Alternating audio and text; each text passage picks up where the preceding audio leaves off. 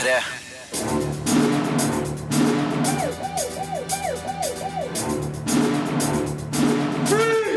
Filmpolitiet! What's your name, dude? Birger Vestmo. Kind of? Trainwreck er en hjertevarm komedie med skarp humor. Eden er en god skildring av fransk house-miljø på 90-tallet. Japanske Kikis budservice er en skuffende nyinnspilling av tegnefilmen. Det her er dagens norgespremiere. Vi skal òg synse om den nye HBO-serien Show Me a Hero, spillet Beyond Ice og diskutere viktige nyheter fra seriefronten, der stikkord er Deadwood, Sena og Fear the Walking Dead. Filmpolitiet anmelder film. Your mother and I are getting divorced. Monogamy isn't realistic. Monogamy isn't realistic. I didn't understand that word at the time, but now I know exactly what he was talking about.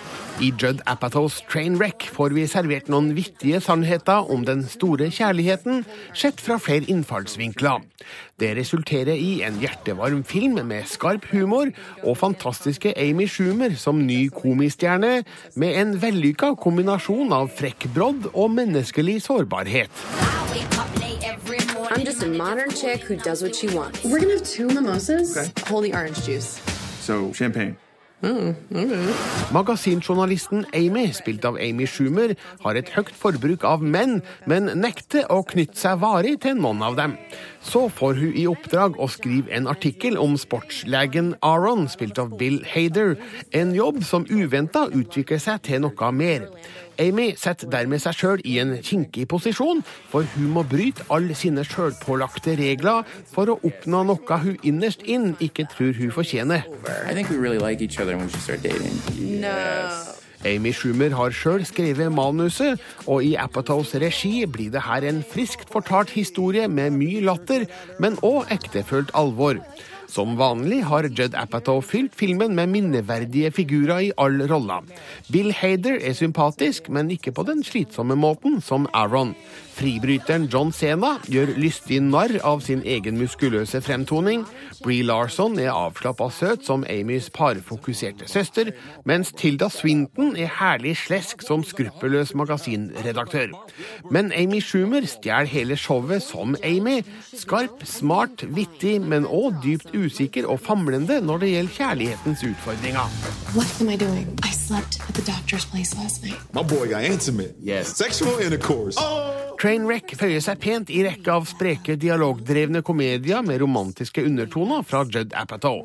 Den er kanskje ikke like hylende morsom som Knocked Up, men inneholder nok av humor basert på gjenkjennbar tematikk til at det her blir en lattertung kinostund. Og Amy Schumer tar steget fra standup-scenen til film med glans. Trainwreck er derfor hjertelig anbefalt. I was calling to say I had a really good time last night. I was wondering if you wanted to um, hang out again. I'm gonna call the police. Terningkast fem. Jeg har fått mine kolleger Sigurd Vik og Marte Hedenstad i studio. Hallo, hallo!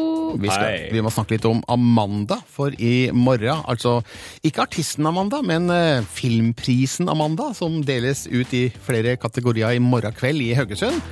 Direktesendt på TV 2.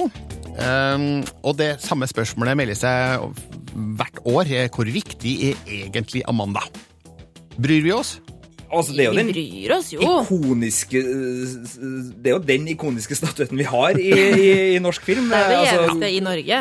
ja, eller vi skal ta en, en uh, Kosmorama har jo også en god pris, som er bransjeprisen. Så den er også, men jeg, jeg føler jo Amanda er jo Den er 30 år i år. Den har jo vært Gjennom hele barndommen min så har det vært et show som har liksom ja, det er noen hakk under Oscar, men det, men det er litt glamour, det er litt rød løper, og det er litt stas. Og så er det jo også gode, gode filmer som kjemper om gjeve priser. Og det er i hvert fall gjevt eh, for de som er i filmbransjen å vinne disse Amanda-statuettene, for det ser jeg hvert år i Haugesund. At eh, de, de tar deg med på nachspiel. De gjør det. Vifter med dem rundt i rommet. Har det veldig gøy med Amanda, og som regel så er det én eller to Amanda-priser som forsvinner da i løpet av eh, festen etterpå. Men du, Birger, hvor mye er du villig til å si noe om de her nachspielene i Haugesund med filmbransjen? Nei, det er jo sånn What happens in Haugesund Ja, øh, stays. Du sier det er noen som In Haugesund. forsvinner. Har du tilfeldigvis en uh, Å, ja, nei, altså, jeg tror vel eh, fremdeles at eh, de fleste dukker opp igjen dagen derpå, da. Eh, Men du, vi må se litt på årets eh, nominasjoner i de viktigste, eh, antatt viktigste kategoriene, og beste norske kinofilm, den er jo kanskje den aller gjeveste. 1001 gram er nominert, sammen med Burning og Mot naturen, og av de tre så var jeg størst fan av uh, Mot naturen. Men uh, nå var 1001 gram Norges Oscar-kandidat, og det spørs om ikke Jeg, jeg tror juryen uh, er mest tilbøyelig til å gi pris til Bent Hamer for 1001 gram, mens, mens Burning den ble jo sett av ja, 30 trilliarder på kino. Det kan jo hende den da vinner Folkets, Amanda. Jeg lurer på om den kanskje har størst sjanser der. Jeg liker veldig spennende at vi har Mot naturen og burning. Altså eh, total bilkultur og ja. Nei, det er flott eh, liste det der, altså. Beste regi nominert der. Bent Hamer for 1001 gram, Aslaug Holm for dokumentarfilmen Brødre og Gunnar Vikene for Her er Harold. Og her eh, savner jeg jo da igjen eh, Ole Gjæver eh, mot naturen. Men vel, når disse tre er nominert, så har jeg også her mest tro på Bent Hamer, faktisk. Og 1001 gram, han- er veldig populær. Setter du oddsen på en dobbel fra Bent Hamer på både beste film og beste ja, men det er litt farlig, fordi sånn erfaringsmessig så um, pleier Amanda-prisene å fordele seg ganske rettferdig utover de nominerte. Men uh, vel, det, det kan tenkes at eh, han går på en uh, dobbel, hvis ikke juryen velger å prise Aslaug Holm for sin nydelige dokumentar eh, Brødre. Beste kvinnelige skuespiller, der er Inga Ibsdotter Lilleås nominert for Kvinner i for store herreskjorter, Agnes Kittelsen for Staying Alive og Ine Marie Wilman for De nærmeste. Og det merkeligste med den, den kategorien, med all respekt for de tre nominerte, det er at Jessica Chastain ikke er nominert for hovedrollen i Frøken Julie. Ja, ikke sant? For hvis Colin Farrell kan være nominert i, den kategorien for beste mannlige skuespiller, så eh, burde jo Man hun nå kanskje vært. Man skulle tro det, men eh, ja, altså det Jeg har ingenting stygt å si om eh, de tre nominerte, men eh, de er altså bedre enn Jessica Chastain. Eh, Litt usikker på det, men når når det er da faktum, så har jeg størst tro på Ine Marie Wilman, faktisk, for eh, rollen i De nærmeste. Et, eh, et eh, veritabelt gjennombrudd på kinolerretet, og ei, ei dame jeg håper vi får se mye mer av på film. Beste mannlige skuespiller, der nevnte du Colin Farrell for Frøken Julie, Marte. Elias Ali er også nominert for Haram, og Bjørn Sundquist for Her er Harald. Og her eh, syns jeg at det er helt opplagt. Bjørn Sundquist må jo få Amandaprisen. Eh, han spiller jo en, en rolle som er sånn typisk Bjørn Sundquist. En sånn grovkjefta innfugl nordlending. Og han, eh, det, er en sånn rolle du vil se Bjørn Sundquist i, har jeg sagt før. Og hvis jeg ikke husker helt feil, så var han vel på han var ikke langt unna i, når Kosmorama delte ut eh, sine priser tidligere i år, men da fikk han den ikke. Nei, da var det Ole Gjæver som eh, vant prisen for eh, sin rolle i eh, Mot naturen. Eh, Men han er ikke nominert da eh, til Amanda, så her tror jeg veien ligger åpen for Bjørn Sundquist. Vi får se da i morgen kveld når Amanda-prisene deles ut i eh, Haugesund. Som vi var inn på i sted, deles Amandaprisene ut i Haugesund i morgen kveld, og på søndag starter den norske filmfestivalen i samme by, som er da det viktigste utstillingsvinduet for høstens norske og internasjonale filmer. Åpningsfilmen er den norske katastrofefilmen Bølgen. Marte og Sigurd, den gleder vi oss til. Og du skal jo få- få se den, for du skal jo til Haugesund. Ja, jeg skal det, og skal anmelde Bølgen der på søndag. Og eh, nå har jeg prøvd å holde meg unna alle trailers og sånt, men jeg sitter akkurat nå og kikker på et eh, stillbilde med Kristoffer eh, Joner med en eh, big ass bølge rett bak seg. Ja, jeg sier bare ikke se den traileren. Spoiler-alert før det bildet, men det, Nei, altså det er vel rimelig opplagt at eh, en film som heter Bølgen på et eller annet tidspunkt vil inneholde en bølge Ja. av et eller annet slag.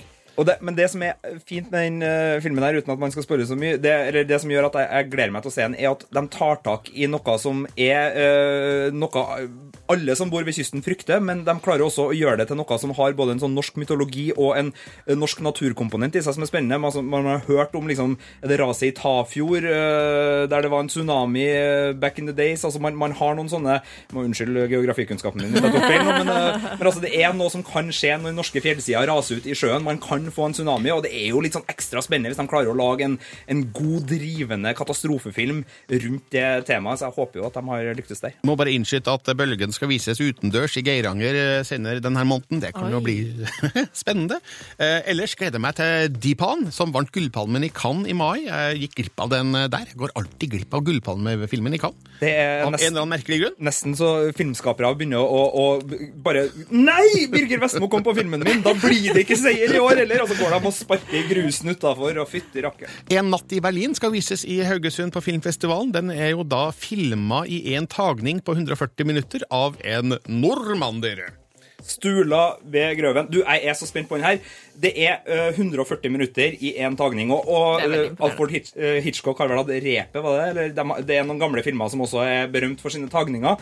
Men, men det her, jeg håper det her er en film som, eh, som utfordrer filmspråket litt. For man ser jo veldig mye som er ganske likt på mm. TV-serier og film. Og når det da kommer noe Det er en heist-film, det her, står det. Så, så det er jo, skal være spennende å drive. Og i tillegg så, så er den ganske unik. Så, så jeg håper det her er en film som kan utvide horisonten litt. Everything Will Be Fine, er nye Wim Wenders-filmen, den eh, har James Franco og Charlotte Gainsbourg i hovedrollen, og manuset er skrevet av en nordmann, dere, nemlig Bjørn Olaf Johannessen, så det blir spennende.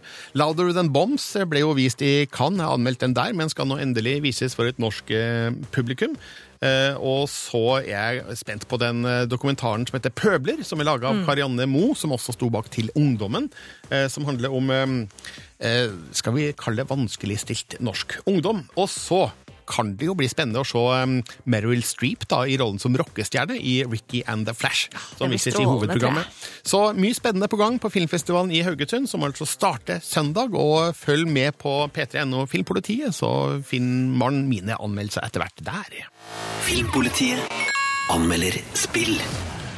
Marte Hedenstad, du har testa spillet Beyond Ice, og altså ikke bak is, men bak auga. Ja, altså forbi øynene. Forbi, ja. Hva er det som eh, rører seg ute i verden hvis man ikke kan se, er tema for Beyond Ice. Et blindespill, altså. Et, eh, på en måte et eh, blindespill. Her handler det om en lita jente som heter Ray, som blir blind når hun er barn. Hun får et fyrverkeri i øynene. Eh, og så får hun en liten katt til å trøste seg med, men en dag mister hun katten sin.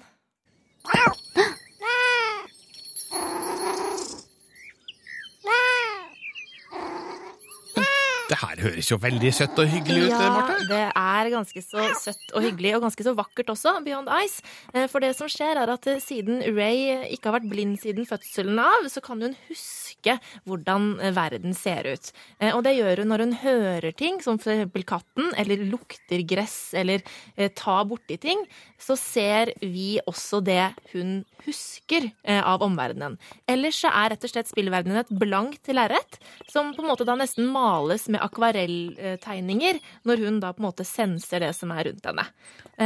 Og mens hun da utforsker verden, så males da dette lerretet med hennes minner fra tida da hun kunne se, men som da er på jakt etter katten sin. Så det er ganske fascinerende. Det høres ut som en kjempespennende idé. Ja, det er en kjempespennende idé. Og det er da Tiger and Squid eh, eh, som er utvikleren bak eh, Beyond Eyes. Og jeg syns det er en veldig sånn fin eh, greie de har gjort her. De har liksom prøvd å gi oss et innblikk i hvordan det er eh, å være blind. Eh, og har da liksom dette tankeeksperimentet med hvordan er det vi kan på en måte la spilleren føle empati og føle å komme, å komme inn i den situasjonen. Um, og Ray er en, en ganske interessant rollefigur, uh, og det er veldig interessant å uh, bevege seg rundt i spillverdenen. fordi at uh, hvis hun f.eks. hører en høne da, borte på en gresslette, så dukker det plutselig opp en høne bare så vidt, og så fader den ut igjen. Og så går du kanskje mot denne høna, og så plutselig så kommer hun nær et gjerde som er i veien. Og så tar hun på gjerdet, og da kan du også se gjerdet. Så det er veldig sånn fascinerende måte å utforske spillverdenen på. Men som spiller, hva, hva må du gjøre her? Ja, det er det som er eh, drawbacket da med Beyond Ice, at det er rett og slett ikke så veldig mye å gjøre, bortsett fra å utforske denne verdenen. Eh, og det er heller ikke så veldig mye handling her, bortsett fra at Ray skal finne denne katten sin. Eh, og det er her Tiger and Squid på en måte faller litt gjennom, eh, at de har et veldig interessant konsept, men så klarer de på en måte ikke å løfte det helt opp til en veldig, veldig ekstraordinær god spilleopplevelse, fordi de mangler det som på en måte engasjerer mest, da, og det er historien. Så altså, en veldig spennende idé. Spennende form på spillet, men eh, historien mangler litt. Yes. Teksten på din anmeldelse kommer ut på P3N og Filmpolitiet litt seinere, men Ja. karakteren den er klar. Terningkast fire.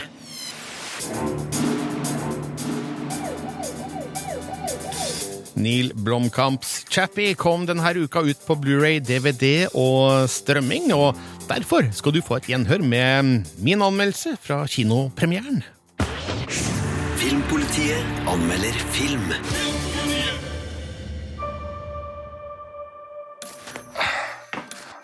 Hello again. Uh, so it's day 944. Neil Blomkamp er tilbake i god form med Chappie. Etter den gode, men likevel bitte litt skuffende Elysium gjør District 9-regissøren et overbevisende comeback med mer grovkverna sci-fi fra Johannesburg. Han er en slags robotfilmens svar på Tarantino, låner vilt og uhemma flere kjente elementer fra andre høydepunkter i sjangeren, og smelter dem sammen til noe eget. Resultatet er morsomt, spennende og underholdende.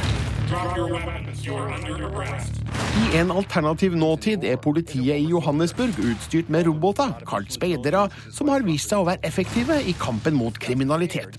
Robotskaperen Deon, spilt av Dev Patel, har utvikla kunstig intelligens og vil teste på en vraka speider, men blir kidnappa av skurker som vil bruke speideren til kriminelle formål. Det legger veien åpen for Deons rival Vincent Moore, spilt av Hugh Jackman, som innynder seg hos deres sjef Michelle Bradley, spilt av Sigourney Weaver. Dev Patel er helt ok som skoleguttaktig idealist med et bankende hjerte. Filmens hovedskurker er de fargerike figurene Ninja og Yolandi, som spilles av de sørafrikanske artistene med samme navn fra bandet The Antwoord. Hugh Jackman har òg en mørk rolle som Vincent, den konkurrerende robotskaperen uten samme suksess som Deon. Men roboten Chappie er på mange måter den mest menneskelige av figurene, gjennom Shalto Copleys uttrykksfulle motion capture mimikk og sjelfulle stemmelegging. Historien peker på menneskets tvilsomme bruk av teknologi. Den har òg noe å si om oppdragelse og hvordan en ny bevissthet ubønnhørlig blir forma av omgivelsene. Historien drives òg fremover av flere intense actionscener, som Blomkamp filmer med stor energi og slagkraft. Den visuelle sida av filmen er gjennomført god. Det her er ikke glansa high-tech à la Star Trek, men heller mer mot realismen i Alien, som lover godt for Neil Blomkamps kommende Alien-film. I Chappie viser han oss den slitte sida av Johannesburg, der kontrastene er stor mellom ny teknologi og forfallent bybilde. Neil Blomkamps inspirasjonskilder er åpenbare. Han har bl.a. tatt skaper- og levetidselementene fra Blade Runner, robotlæringa fra Terminator 2 og menneskelig bevissthet i en maskin fra Robocop. Det kan nå nevnes at Hugh Jackman styrer robotmonsteret Elgen, som ligner Ed 209 fra Robocop, og i tillegg refererer til Real Steel, der Jackman styrte kamproboter i bokseringen. Man kan alltids beskylde Neil Blomkamp for å mangle originalitet, men Chappie fremstår likevel som en frisk og livskraftig science fiction-film. I am Chappie. Terningkast fem. Igjen, mine kolleger Marte og Sigurd er her. Vi skal prate litt om ukas viktigste nyheter fra film- og seriefronten. Og jeg tror vi må starte rett og slett med Fear the Walking Dead.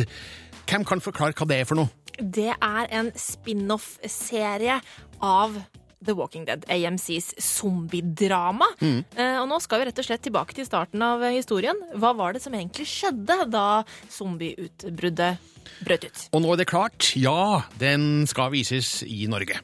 Ja, Og eh, Sigurd og jeg har lurt veldig mye på hvor i all verden er det her skal vises? Mail på mail på mail, telefon på telefon. Hvem er det som skal vise den her i Norge? For den kommer jo i USA allerede 23. august, og Marte, svaret er HBO Nordic. 24. august, boom! Kommer til en skjerm der, deg. Og det var Fear the Walking Dead der, altså. Mm. Og så må vi snakke litt om um, denne serien.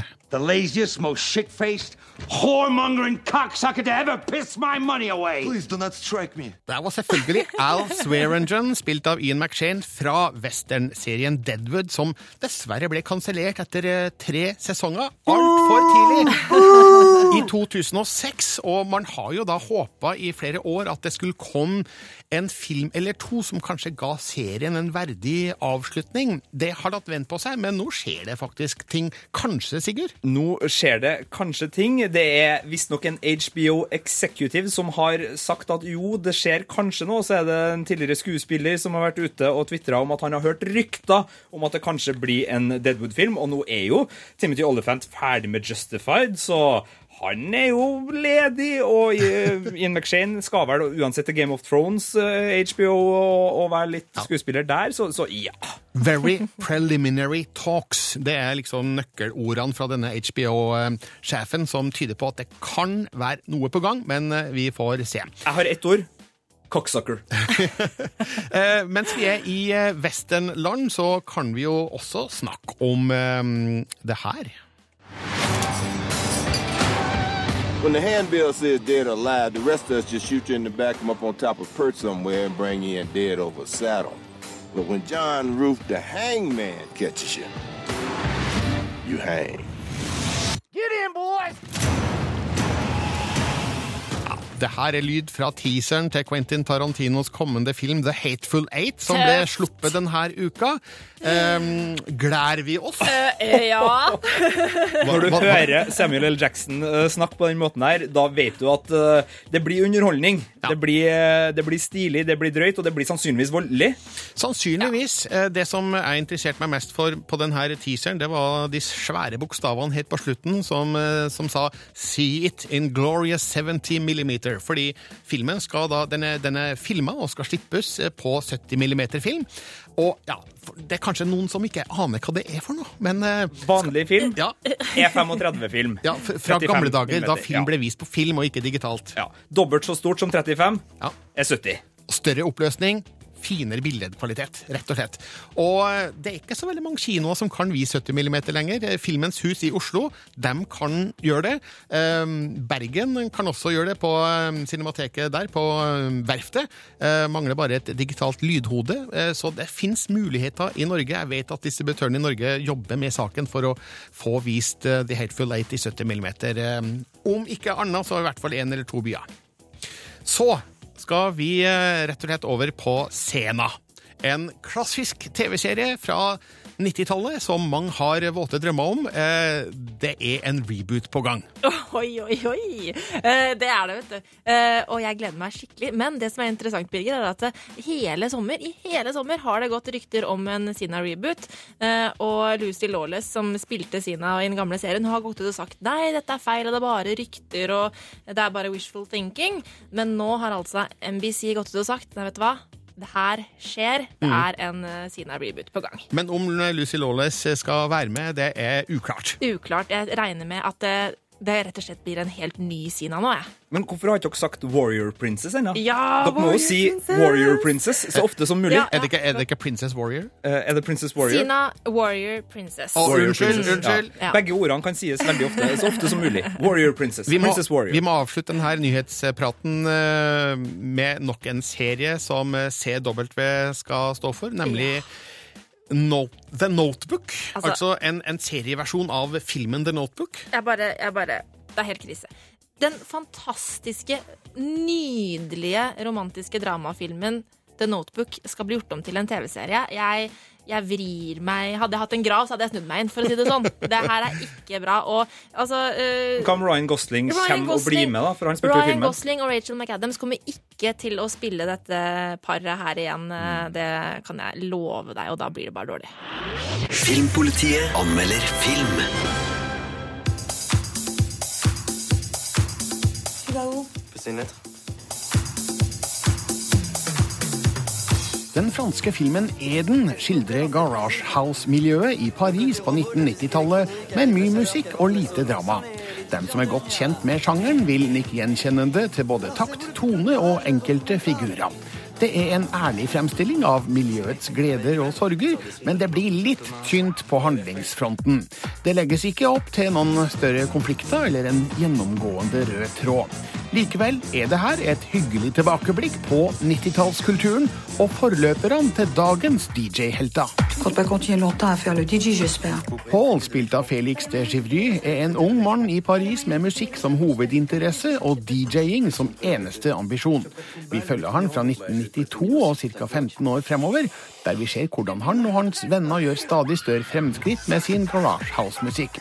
Men medaljen har sjølsagt en bakside, med økonomiske problemer og en evig rotløs runddans med dop og alkohol. Det kan være problematisk å engasjere seg i Pauls liv. Han er en stille, anonym og litt kjedelig figur som bare våkner til liv når han står bak et miksebord i en klubb. Den franske regissøren Mia Hansen Løve gir ikke mange ledetråder til Pauls indre sjelsliv. Men miljøet rundt observeres med oppvakt kameraarbeid og høy troverdighet. Og mens årene stadig går, får man likevel et dypere inntrykk av Pauls personlighet og føle stikk av sympati med han når Garage House går av moten og DJ-karrieren stagnerer.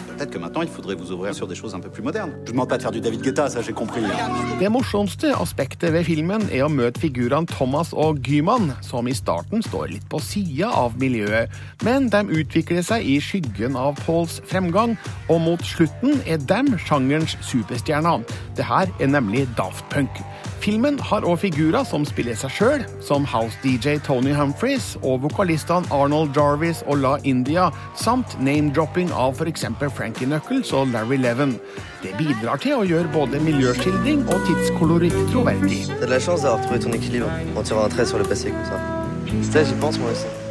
Regissør Mia Hansen Løve har også skrevet manuset sammen med sin bror Sven Hansen Løve, som har DJ-bakgrunn. Begge er for øvrig franske, mens farfaren var dansk, derav de danskklingende navnene. Jeg hadde likt filmen enda bedre om de hadde skrudd opp temperaturen i de emosjonelle scenene. Figurenes privatliv blir litt blast skildra i forhold til det som skjer på dansegulvene. Men musikkhistorien er god, og det er interessant å være flue på veggen til forfedrene til dagens Kygoer. Terningkast fire. Filmpolitiet anmelder TV-serie. Show Me a Hero har premiere på HBO Nordic på mandag, og som jeg var inne på i stad, Marte Hedenstad, den er skapt av David Simon, som ikke er hvem som helst. Ikke hvem som helst. Skaperen av The Wire og manusforfatter for Tremé. Det her er en av HBOs skikkelige tungvektere. The city intentionally segregated its housing for 40 years. The whole damn city government's white. Justice is not about popularity. Not. But politics is. Lyd fra Show Me a Hero, og hva handler det her om, Marte? Ja, Det her er rett og slett basert på en eh, sann historie, eh, og vi blir tatt med tilbake til 80-tallet og tidlig 90-tall eh, i byen Yonkers i staten New York. Og det her er da et politisk drama, fordi at på slutten av 80-tallet så ble Yonkers pålagt av myndighetene å desegregere byen, altså at de skulle bygge sosialboliger som da som regel svarte eh, endte opp med å bo i, i den hvite eh, i hermetegn, delen av byen. Og da ble det store opptøyer, fordi at den hvite middelklassen de skulle da faen meg ikke ha noe av at eh, disse svarte folka kom inn i deres del av byen.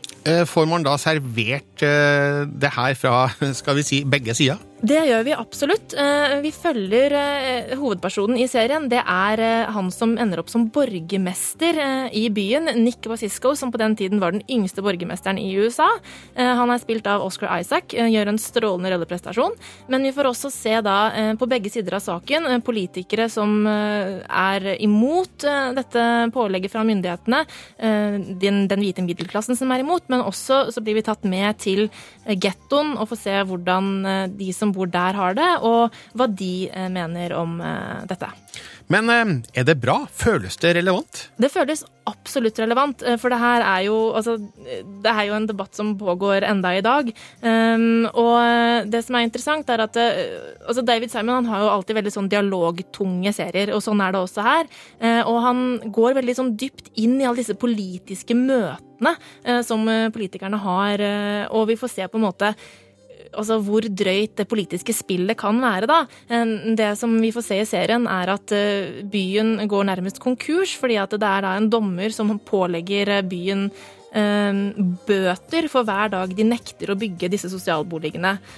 Også pga. at velgerne ikke ønsker at de skal bygge boligene, så stemmer da flere politikere mot. Og da pga. liksom de fremmer sin egen popularitet foran byens uh, ve og vel. Da. Mm. Uh, og det politiske spillet der er veldig interessant. Um, men så er det også interessant å se på en måte hvor lite middelklassen faktisk vet om de menneskene som bor i den andre delen av byen. Så um, det er en ganske saktegående serie. Eh, scenene er lange og dras kanskje litt langt ut, men dialogen er veldig interessant. Samtidig som vi plutselig hopper litt i tid. Eh, for det er jo en periode på sånn ti år det her går over. Um, ja. Det her er en miniserie på Det er en miniserie på seks episoder. Mm. Jeg har sett fire av dem, uh, og jeg gleder meg virkelig til å se de to siste. Og du gir? Terningkast fem. Filmpolitiet anmelder film. En gammel skikk sier at en heks under opplæring må bosette seg et nytt sted. Denne heksens eventyr begynner nå. Den japanske filmen Kikis budservice er basert på samme bok som Studio Ghiblis animasjonsfilm fra 1989. Den er søt og velmenende, men fører et filmspråk uten sprut og energi. Det gjør at historien òg føles både slapp, gamlemodig og kjedelig. Den scorer på hyggelig atmosfære og god norsk dubbing, men gjør at jeg savner Hayao Miyazakis fantasifulle ånd. For denne spillefilmversjonen er en aldri så liten skuffelse. For en fin by. Jeg vil gjøre alt jeg kan gjøre! Kiki, spilt av Fuka Koshiba, er heksejenta som må tilbringe ett år alene utafor hjemmet for å bli ferdig utlært som heks. Hun tar med seg den snakkende katta Gigi og slår seg ned i en liten kystby. Der starter hun budservice og flyr rundt på sopelimet og leverer pakker og brev. Det skal vise seg at lokalbefolkninga er skeptiske til Kiki, som opplever stadige tilbakeslag. Men når en storm truer byen, får hun sjansen til å vise hva hun er god for. Denne veien! Skynd deg! Historien er søt og ufarlig. Alt er pent og pyntelig. Byen er sjarmerende, og Kikis nye hjem i et bakeri med egen vindmølle har et visst eventyrpreg over seg. Problemet er at tempoet er for lavt. Regissør Takashi Shimizu, kjent for de japanske og amerikanske The Grudge-filmene, tar seg altfor god tid til å formidle historiens få problemstillinger. Fuka Koshiba er ei søt jente, men altfor tilbakeholden til at Kiki blir en spennende hovedperson. Dumme kost! Kanskje jeg ikke kan være en heks lenger? I filmens siste del blir det heldigvis litt mer fart i sakene, men også her preges filmen av slapp regi, enkle løsninger og utdaterte effekter. Kikis budservice er kompetent dubba til norsk, slik at det her blir en grei kinofilm for de aller minste barna, men den naturlige utgangen av denne anmeldelsen blir å oppfordre til å se Hayao Miyazakis tegnefilmversjon av samme historie i stedet. Det kommer til å Terningkast tre. P3. P3. Og nå en spalte der vi rett og slett snakker om hva vi har sett den siste uka. Og det skal handle stort sett om TV nå, og da starter vi med, med deg, Sigurd Vik. For du har kobla deg på en gammel serie. Jeg har hoppa i tidskapselen, flykta tilbake til 1999. Og da skal jeg fortelle deg TV så litt annerledes ut, Birger. Fytti ja. rakkeren. Jeg driver og ser West Wing, eller Presidenten. Som, vi, vi sier West Wing. We sier West Wing, Ja, ikke ja. presidenten. Ikke presidenten. Syns det er ja, helt greit å si West Wing. eh, 4-3-TV der, altså. Hvordan, hvordan funker det i 2015? Det funker overraskende bra. Det er Viaplay som har lagt ut hele smøla, og den er jo tilgjengelig på, på DVD og, og andre tjenester også. Men jeg begynte å se på det her, og er dønn hekta på en eh, fjernsynsserie som jeg så glimtvis da den gikk på, på TV, men som jeg nå har konsumert sånn vegg til vegg, og da får man jo de der gode plottlinjene og storylinesen som, som utvikler seg over. For det er jo en litt sånn procedural-aktig serie der det er ett problem for presidenten hver episode. Stort problem, verdenskrise må løses! Martin Sheen kommer og fikser det her. Men så er det jo også sånne kjærlighetsintriger og politiske problem som går over tid. Men Da The West Wing gikk på TV i sin tid, så var jo ikke binge-watching mulig. Men nå, nå kan man det, og det funker? Eh, Det funker opp til et visst punkt. Jeg har gjort det her før med øh, Var det Boston Legal, den her øh, serien? Av alle ting. Jeg binge-watcha den òg. Det er jo ikke optimalt, fordi det er mye gjentagelse, øh, men, men det går, altså. Og det er jo monologene og dialogen som er så utrolig bra her. Rob Lowe som Sam Seaborn er en favoritt, øh, og, og gir også ekstra dybde til Parks and Rec-figuren til, til Rob Lowe, så det her var digg. Marte Hedenstad, du har eh, gått tilbake til en serie som jeg tenker ja, selvfølgelig ser du på den serien. Selvfølgelig. For i sommer så har TV3 som vanlig sendt Sex og singelliv på, litt sånn på kveldstid. Eh, Og da kom jeg over en episode her forleden. Eh, Det er vel første episode av sesong fire, hvor Carrie fyller eh, 35 år. Og de liksom reflekterer litt om hvordan er det å være kvinne i 30-åra i storbyen. Og det følte jeg at jeg kunne relatere veldig til, for til neste år blir jeg 30! Så derfor har jeg rett og slett eh, etter den episoden gått til HBO Nordic og bincha meg i hjel for n-te gang på Un- Sex og singelliv. Blir du 30 til neste år? Neste uke, da. Ja. Jeg prøvde meg på det. Det var Ønsketenkning. Neste uke, dæven døtte. Men, altså, du driver og forbereder Jeg 30-årskrisa? forbereder 30-årskrisa med sex og singler, og det funker som bare det, altså. Ja, Så nå føler, føler du at du kan bli 30 med skal vi si, god samvittighet? eller? Helt riktig. Hvordan forbereder du 30-årskrisa di, Birger? Ja, nei, jeg husker ikke helt hvordan jeg gjorde det, for det ligger jo en del år tilbake i tid. Men eh, jeg har kikka på Orange is the New Black i det siste, og er nå ferdig med sesong én. Og eh, dere har jo snakka varmt om sesong to og tre, men på tampen av sesong én så tenker jeg at eh, ja, skulle det ikke vært noe mer her? For jeg syns det begynte å dabbe litt av, eh, dramatikken. Eh, begynte å bli litt lei, men fremdeles spennende figurer. Men overtar meg nå Ja, til det å begynne på sesong to. kommer eh, mer Ja, spennende det- figurer eh, i sesong to. Nå husker jeg hva det er. Eh, Mm. eh, Første sesongen eh, dabber litt av fordi den hovedstoryen om hvit kvinne i fengsel, altså forstadskvinne i fengsel, dabber litt av. Men så begynner jo livet i fengsel Ja. i sesong to, og det er spennende. Med, Det er jo kriminelle folk, det her, så det, det skal bli bedre. Altså. Heng med, Birger. Det blir Heng bra. med. Jeg skal gjøre et eh, hederlig forsøk på det. Takk, Sigurd og Marte. Filmpolitiet.